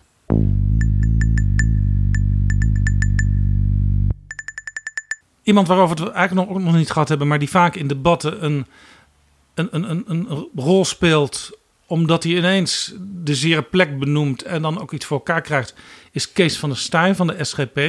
Zijn partij is natuurlijk ook vaak belangrijk als er wisselende meerderheden zijn in het parlement. Om dan toch nog even die drie zetels van de SGP erbij te halen vanuit het kabinet. Uh, hoe deed hij het in dit debat? Ook bij hem kan ik me niet echt. Hij heeft ze volgens mij even met de staatsrechtelijke discussie kort benoemd. Daar, is dat, daar ligt ook altijd de expertise inderdaad bij de, bij de SGP. Het zit niet voor niks ook in de naam. Ehm, maar bijvoorbeeld zijn eerste termijn, daar probeert hij traditiegetrouw ook altijd iets bijzonders te doen. Ook omdat hij weet, ik ben laat op de avond, dus ik moet wat onderscheiden. Ja, hij nam altijd iets mee, een object. Ja, maar hij was dit jaar, ja, ging over David en Goliath, ging die. Uh, ja, nou ja, hij, hij, verwees ook naar de stenen die achter hem hingen, de, de, de, modder en de stenen. Dus hij zei: Ik heb eigenlijk nu niks nodig, want het hangt hier ja. al. Ja, en hij vond het ook niet zo passend. Hè. Er zit geen missionair kabinet, dus ik moet dan terughoudend zijn. Nou, dat kun je vinden. Maar als je dan daarna alleen nou, een mooi Bijbels verhaal vertelt en iets met die stenen. Ja, wat was nou het punt? Je moet, er wel, je moet wel een punt maken. En ik kan me nou niet terughalen wat nou het punt was. Eén spreker waar ik toch ook nog even naar wil kijken is Lilian Marijnissen van de SP. Zij speelde een interessante rol, want uh, de houding van de SP is eigenlijk rondom de formatie van ja, wij, wij doen niet mee aan een nieuw kabinet. Uh, maar je zag wel dat de SP regelmatig uh, mee probeerde te doen en ook daartoe door anderen werd uitgenodigd, bijvoorbeeld door Pieter Heerma van het CDA, om toch inhoudelijk te kijken waar meerderheden eh, te vinden waren. En zij valt heel erg op als, als spreker, want uh, terwijl anderen vaak papiertjes voor zich hebben, maakt zij daar eigenlijk nauwelijks gebruik van. Ja, dat is ook echt een, een, uh, een trend die je sowieso ziet. Hè? We hebben die debatprijs, heeft Lodewijk heeft een paar keer gewonnen. Onder andere omdat hij helemaal uit het hoofd spreekt of sprak altijd, dat ze waren er nu meerdere. De Klaver deed dat bijna helemaal. Lilian Marijnissen deed het vrijwel helemaal. En, en um, Jette denk ik voor een deel ook. Jette voor een deel. Er waren er nu meerdere die die kant op gaan. Wat ik een hele goede ontwikkeling vind. Want daardoor is het meer echt een betoog wat je houdt. Maar Lilian Marijnissen is ook echt, die is ook enorm gegroeid in die debatten. Ook een goede spreker. Alleen ja, retorisch zit het dan dat verhaal wat minder mooi in elkaar. Dus het is minder echt een wat breder beeld op de een bredere visie op de samenleving. En ja, ik vind bij de SP vaak wel dat ze, ze, ze hameren op dezelfde aanbeelden en brengen daar weinig variatie in aan. Ja, ja, dus daar zit minder. Die zijn ook weer heel erg vanuit de inhoud gedreven. Um, onrecht dat ze zien, vliegen ze aan. Maar zijn in mijn ogen net iets te weinig bezig met. Maar hoe vertel ik het nou op zo'n manier dat het ook echt landt. Um, en dat het, dat het precies raakt datgene wat we, wat we willen zeggen. En ik vind, maar dat is meer mijn persoonlijke politieke duiding. En um, nogmaals, daar zijn anderen beter in. Ik vind als kijker haar positie een beetje onduidelijk. Want aan de ene kant doet ze dus niet mee aan die formatietafel. Lijkt het voor mij erop dat zij daar dan zijn weggelopen of niet zijn uitgenodigd of noem maar op. Ja, ze zei zelf wel een keer, ja, wij werden op een bepaald moment gewoon niet meer uitgenodigd. Ja. Aan de andere kant dacht ik daarbij, ja, je hebt er ook geen stampij van gemaakt. Dat je per se aan die tafel wil zitten. Nou ja, dat, dat is precies het punt wat ik wil maken. Ik vind dat je dan een duidelijke keuze moet maken. Of je gaat vertellen, van wij willen, waarom mogen wij niet aan tafel zitten? We willen aan tafel zitten, we willen aan tafel zitten. En het beeld bevestigen van, joh, wij willen wel, maar zij willen niet. Of je gaat mij duidelijk maken waarom je niet aan tafel wil zitten. Maar nu, de afgelopen twee dagen, zit het er een beetje tussenin. En dan snap ik als kijker niet meer, maar wat is het nou? We hebben bijna alle sprekers behandeld in dit gesprek. We gaan naar een afronding. Maar eentje nog niet. En dat was iemand die ook in het debat echt, wat mij betreft, door de mand viel. Van Haga. Wiebren van Haga. Die ging een motie indienen, motie van afkeuring, tegen de minister van Landbouw in een debat. Waar weliswaar de minister van Landbouw een van de ministers was die de premier dienend achter de regeringstafel zat. Maar het was geen landbouwdebat. En een motie van afkeuring dien je altijd in als je een zwaar debat hebt gehad met een minister waarvan je denkt, ja, zoals dat beleid gevoerd is, dat kan niet. Dit moeten we afkeuren. En sommigen die nemen dan meteen ook de consequentie van ik treed helemaal af. Dit werd hem eigenlijk door de hele Kamer niet in dank afgenomen dat hij die motie indiende op dat moment. Ja, nou, fijn dat je die nog even opbreekt. Want daar zitten twee dingen in die, eh, die daarin eh, naar voren kwamen. Het kwam aan het licht door een interruptie van Gertjan Segers. En dit was voor mij weer echt een voorbeeld eh, waar eh, nou ja, anderen van kunnen leren hoe je een goede interruptie doet. Ja, Segers bleek voor informatie te hebben over Ja. wat Van Haga van plan was. Ja, dus dat, dat, laat dat eerst belichten. Dus Wiebren van Hagen houdt zijn eerste termijn, krijgt verder geen enkele interruptie. Is Segers klaar. is natuurlijk de partijgenoot van de minister van Landbouw, Carola Juist. Schouten. Dus aan het einde komt Segers naar voren en, en die zegt dan van... Goh, ik heb begrepen dat u voorneens bent een motie van afkeuring tegen de minister van Landbouw in te dienen. Wiebren van Hagen, ja, dat ga ik doen. En dan doet Segers, en daar zit een de sleutel in. Die wordt niet in één keer kwaad van hoe durft u? En die stelt vervolgens de vraag, joh, kunt u mij vertellen hoe vaak u de afgelopen jaren kritische vragen heeft gesteld aan de minister van Landbouw? En hoe vaak u zeg maar in een vergadering bent geweest en in debat bent gegaan met de minister van Landbouw? Nou, dan voelt Wiebren van Haga, zie je al dat hij voelt, oei, dit gaat niet zo lekker. laten we even luisteren. De heer Segers, tot slot. Tot slot. Ehm, mevrouw de voorzitter, ja, ik kan het antwoord geven. Het was nul keer. Ja, nou, prima. nog nooit heeft u het debat gezocht. Nog nooit een voorstel ingediend om het bij te stellen. Nog nooit een wijzigingsvoorstel ingediend. Nog nooit de minister vragen ge- gesteld. Nog nooit het debat met haar aangegaan. Dat vind ik echt gewoon bizar. Dat je dan met zo'n motie aankomt dat aankondigt. Hier nog nauwelijks eh, de woorden aan, ehm aanwijdt. Ik vind het echt heel goedkoop, heel raar. Ja, dit was dus echt een soft, Roderick. Hier valt Van Haga echt door de man. Ja, dit is, dit is natuurlijk dat, dus en een hele goede interruptie. Wat ik ook heel mooi vind, dat is echt weer de stijl van Gert-Jan Segers. Een andere politicus zou hebben afgerond met het is een schande dat u dit doet. Maar Segers zegt dan van nou iets in de trant van meneer, eh, u kunt beter. Dit is onder uw niveau. Dat is eigenlijk, eigenlijk nog veel pijnlijker, ehm, maar wel heel fatsoenlijk. En helemaal aan het eind van die twee dagen, eh, toen Van Haga inderdaad zijn motie ging indienen, toen had hij overigens net een motie ingediend die mede ondertekend was door Pieter Omtzigt. Dus als duo hadden ze een motie ingediend over een ander onderwerp. Maar toen diende hij zijn motie van afkeuring tegen mevrouw Schouten in. En werd hij weer onder vuur genomen vanuit de Kamer. En toen dacht Omtzigt, ja, dit, dit, zoals Van Haga hiermee omgaat, ik trek mijn handtekening terug onder die motie over een heel ander onderwerp. Want met deze man op deze manier wil ik niet samenwerken, zei hij bij de interruptie. Ja. Dat vond ik ook een interessant moment. Ja, nou ja, en, daar, en dat is natuurlijk de, het terecht dat de Kamer hier boos over wordt. En, en, en dat geeft aan dat er af en toe toch ook partijen in die Kamer zijn die gewoon. Ja, ik vind je mag ieder standpunt verdedigen. Maar je moet wel meedoen aan de regels van het spel. Je kan daar niet zitten en, en hier en daar maar moties in. Terwijl je nog nooit een kritische vraag hebt gesteld. Dat geeft gewoon aan dat het alleen maar spel is. En dat het helemaal niet meer gaat over de inhoud. En overigens nog één ander iemand die, waar we, die helemaal niet besproken hebben. Nog, die, die zou ik toch nog wel willen noemen. Is Joost Eertmans. Ja, zijn naam is één keer gevallen in dit gesprek. Maar ik vind Joost Eertmans is toch ook wel een interessante positie neemt hij in. Want die zit natuurlijk echt aan die rechtervleugel. Zeer conservatief. Heeft daar eigenlijk voor een goed deel dezelfde standpunten als, als Wilders en ook Van Haga en een aantal Ja, andere partijen. migratie en veiligheid zijn punten die hij altijd opbrengt. Ja, maar hij vliegt dat op een hele andere manier aan. En dat probeert hij ook uit te venten van het fatsoenlijk rechts en het... het ehm, Hij, heeft wel- ook, hij werkt ook meer met cijfers, met, met, met, met eh, zeg maar rationele argumentatie. Ja, en probeert echt onderdeel te zijn van het debat. Dus hij, hij wil meedoen aan het gesprek. Hij zou ook mee willen regeren. Hij wil Hij wil onderdeel zijn, laten we zeggen, van, van het establishment. En binnen dat establishment wil hij dan dat punt maken. En daarbij onderscheidt hij zich echt van een aantal van die andere partijen. Ook voor, nou, natuurlijk Forum, PVV, eh, Wieberen van Haga. Ja, waarvan je weet, ondanks misschien wat ze soms beweren, uh, die gaan nooit echt meeregeren op een, op een serieuze manier.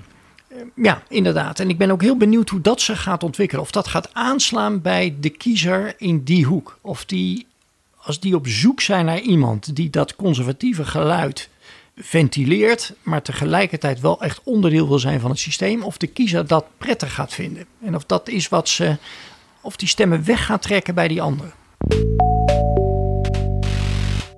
Roderick, iemand die natuurlijk ook nieuw is in dit debat, in de algemene beschouwingen, is de Kamervoorzitter Vera Bergkamp, de opvolger van Khadija Ariep. Khadija Ariep, waarbij iedereen wel een gedachte had.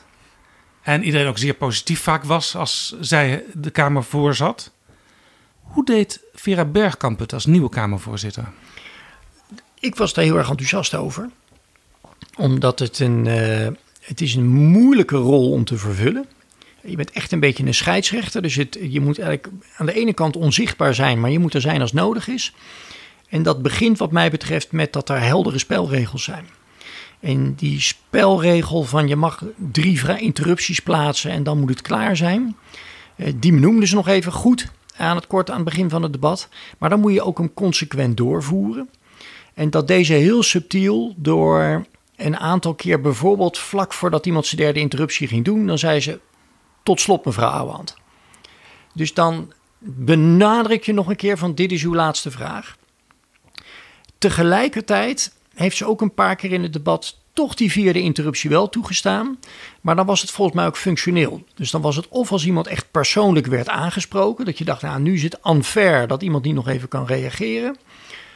En ze deed ook één of twee keer op het moment dat er zeg maar zo'n onderhandelingsinterruptie was. En dat je merkte dat er wat aan het gebeuren was. En dat het voor het debat inhoudelijk zonde zou zijn. als er niet toch nog even die vierde vraag gesteld kon worden. En ik vond dat ze het handhaven van de regel goed deed, maar ook het aanvoelen wanneer er even wel wat ruimte was. En dan voor de rest um, ja, toch ook zo onzichtbaar mogelijk zijn. Ja, want als je naar voorgangers van haar kijkt, Gadisha Ariep, Gerdy Verbeet en in het uh, verdere verleden bijvoorbeeld Frans Wijsglas. Uh, die kregen het vaak aan de stok met sprekers in het debat die zich tekort gedaan voelden. En deze Kamervoorzitter is eigenlijk heel onnadrukkelijk aanwezig. Ja. Maar wel effectief zelf vind ik dat heel erg te prijzen. Want je, tuurlijk kan het ook eh, leuk zijn als een voorzitter af en toe zelf ook echt een, nou, ook eens een keer een grapje maakt en onderdeel wordt van dat, uh, van, nou ja, een beetje onderdeel van het debat. Maar ja, dat is een leuke bijkomstigheid. Ja, eigenlijk faciliteert zij het debat, uh, waardoor iedereen het idee heeft die eraan deelneemt, dat hij voldoende tot zijn recht komt. Ja, en, en gewoon het handhaven van die regels.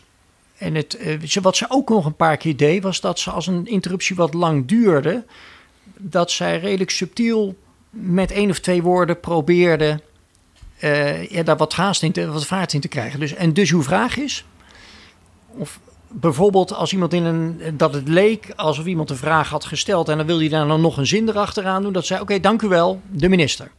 Dus net even subtiel een, een duwtje geven dat er vaart in komt, eh, dat iemand afrondt en dat mensen zich aan de afgesproken regels houden. Ja, wat ze deze keer niet deed, dat hebben we wel onlangs gezien toen Gideon van Meijeren van Vorm voor Democratie sprak. Toen greep ze echt in, omdat zij het eh, niet kies vond uh, wat hij zei achter het spreekgestoelte.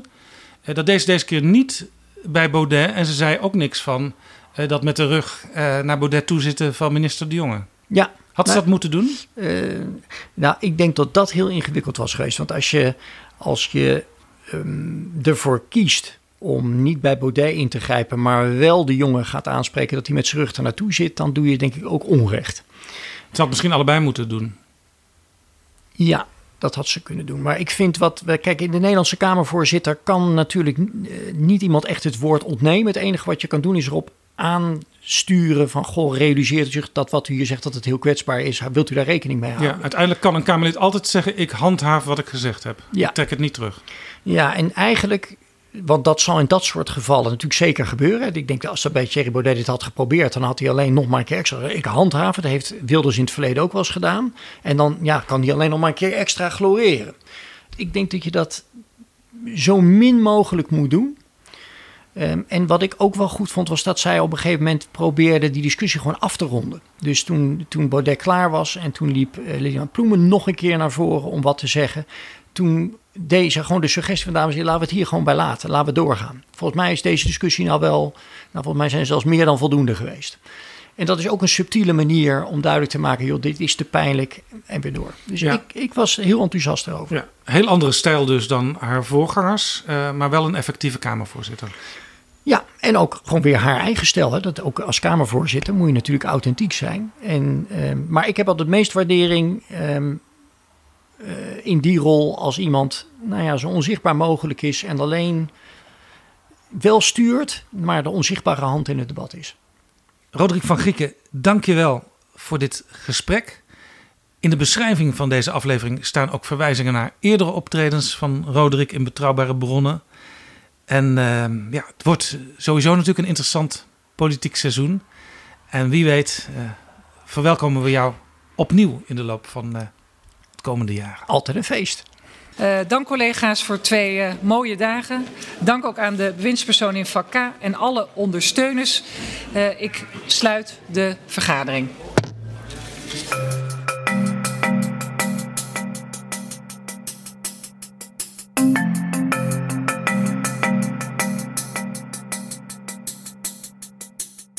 Zo, dit was Betrouwbare Bronnen, aflevering 215.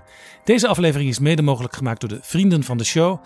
Mensen die met een donatie hun waardering laten blijken voor Betrouwbare Bronnen. En jij kunt ook vriend worden. Doe het nu nog. Dat kan via vriendvandeshow.nl/slash bb. In aflevering 214 was Paul Rem te gast over de Haagse Huizen van Oranje, wat ook de titel is van zijn nieuwe prachtige boek. En daarvan heeft Walburg Pers vier exemplaren beschikbaar gesteld. En die gaan naar de vrienden van de show: Jeroen Petit in Zoelen, Floris Grijzenhout in Leerdam, Dick van Rijn in Leiden en Hans Verbeek in Diepenheim. Veel plezier ermee en de hartelijke groeten van Paul Rem. En wat mij en ook PG betreft, tot volgende keer. Betrouwbare bronnen wordt gemaakt door Jaap Jansen in samenwerking met dag en nacht.nl.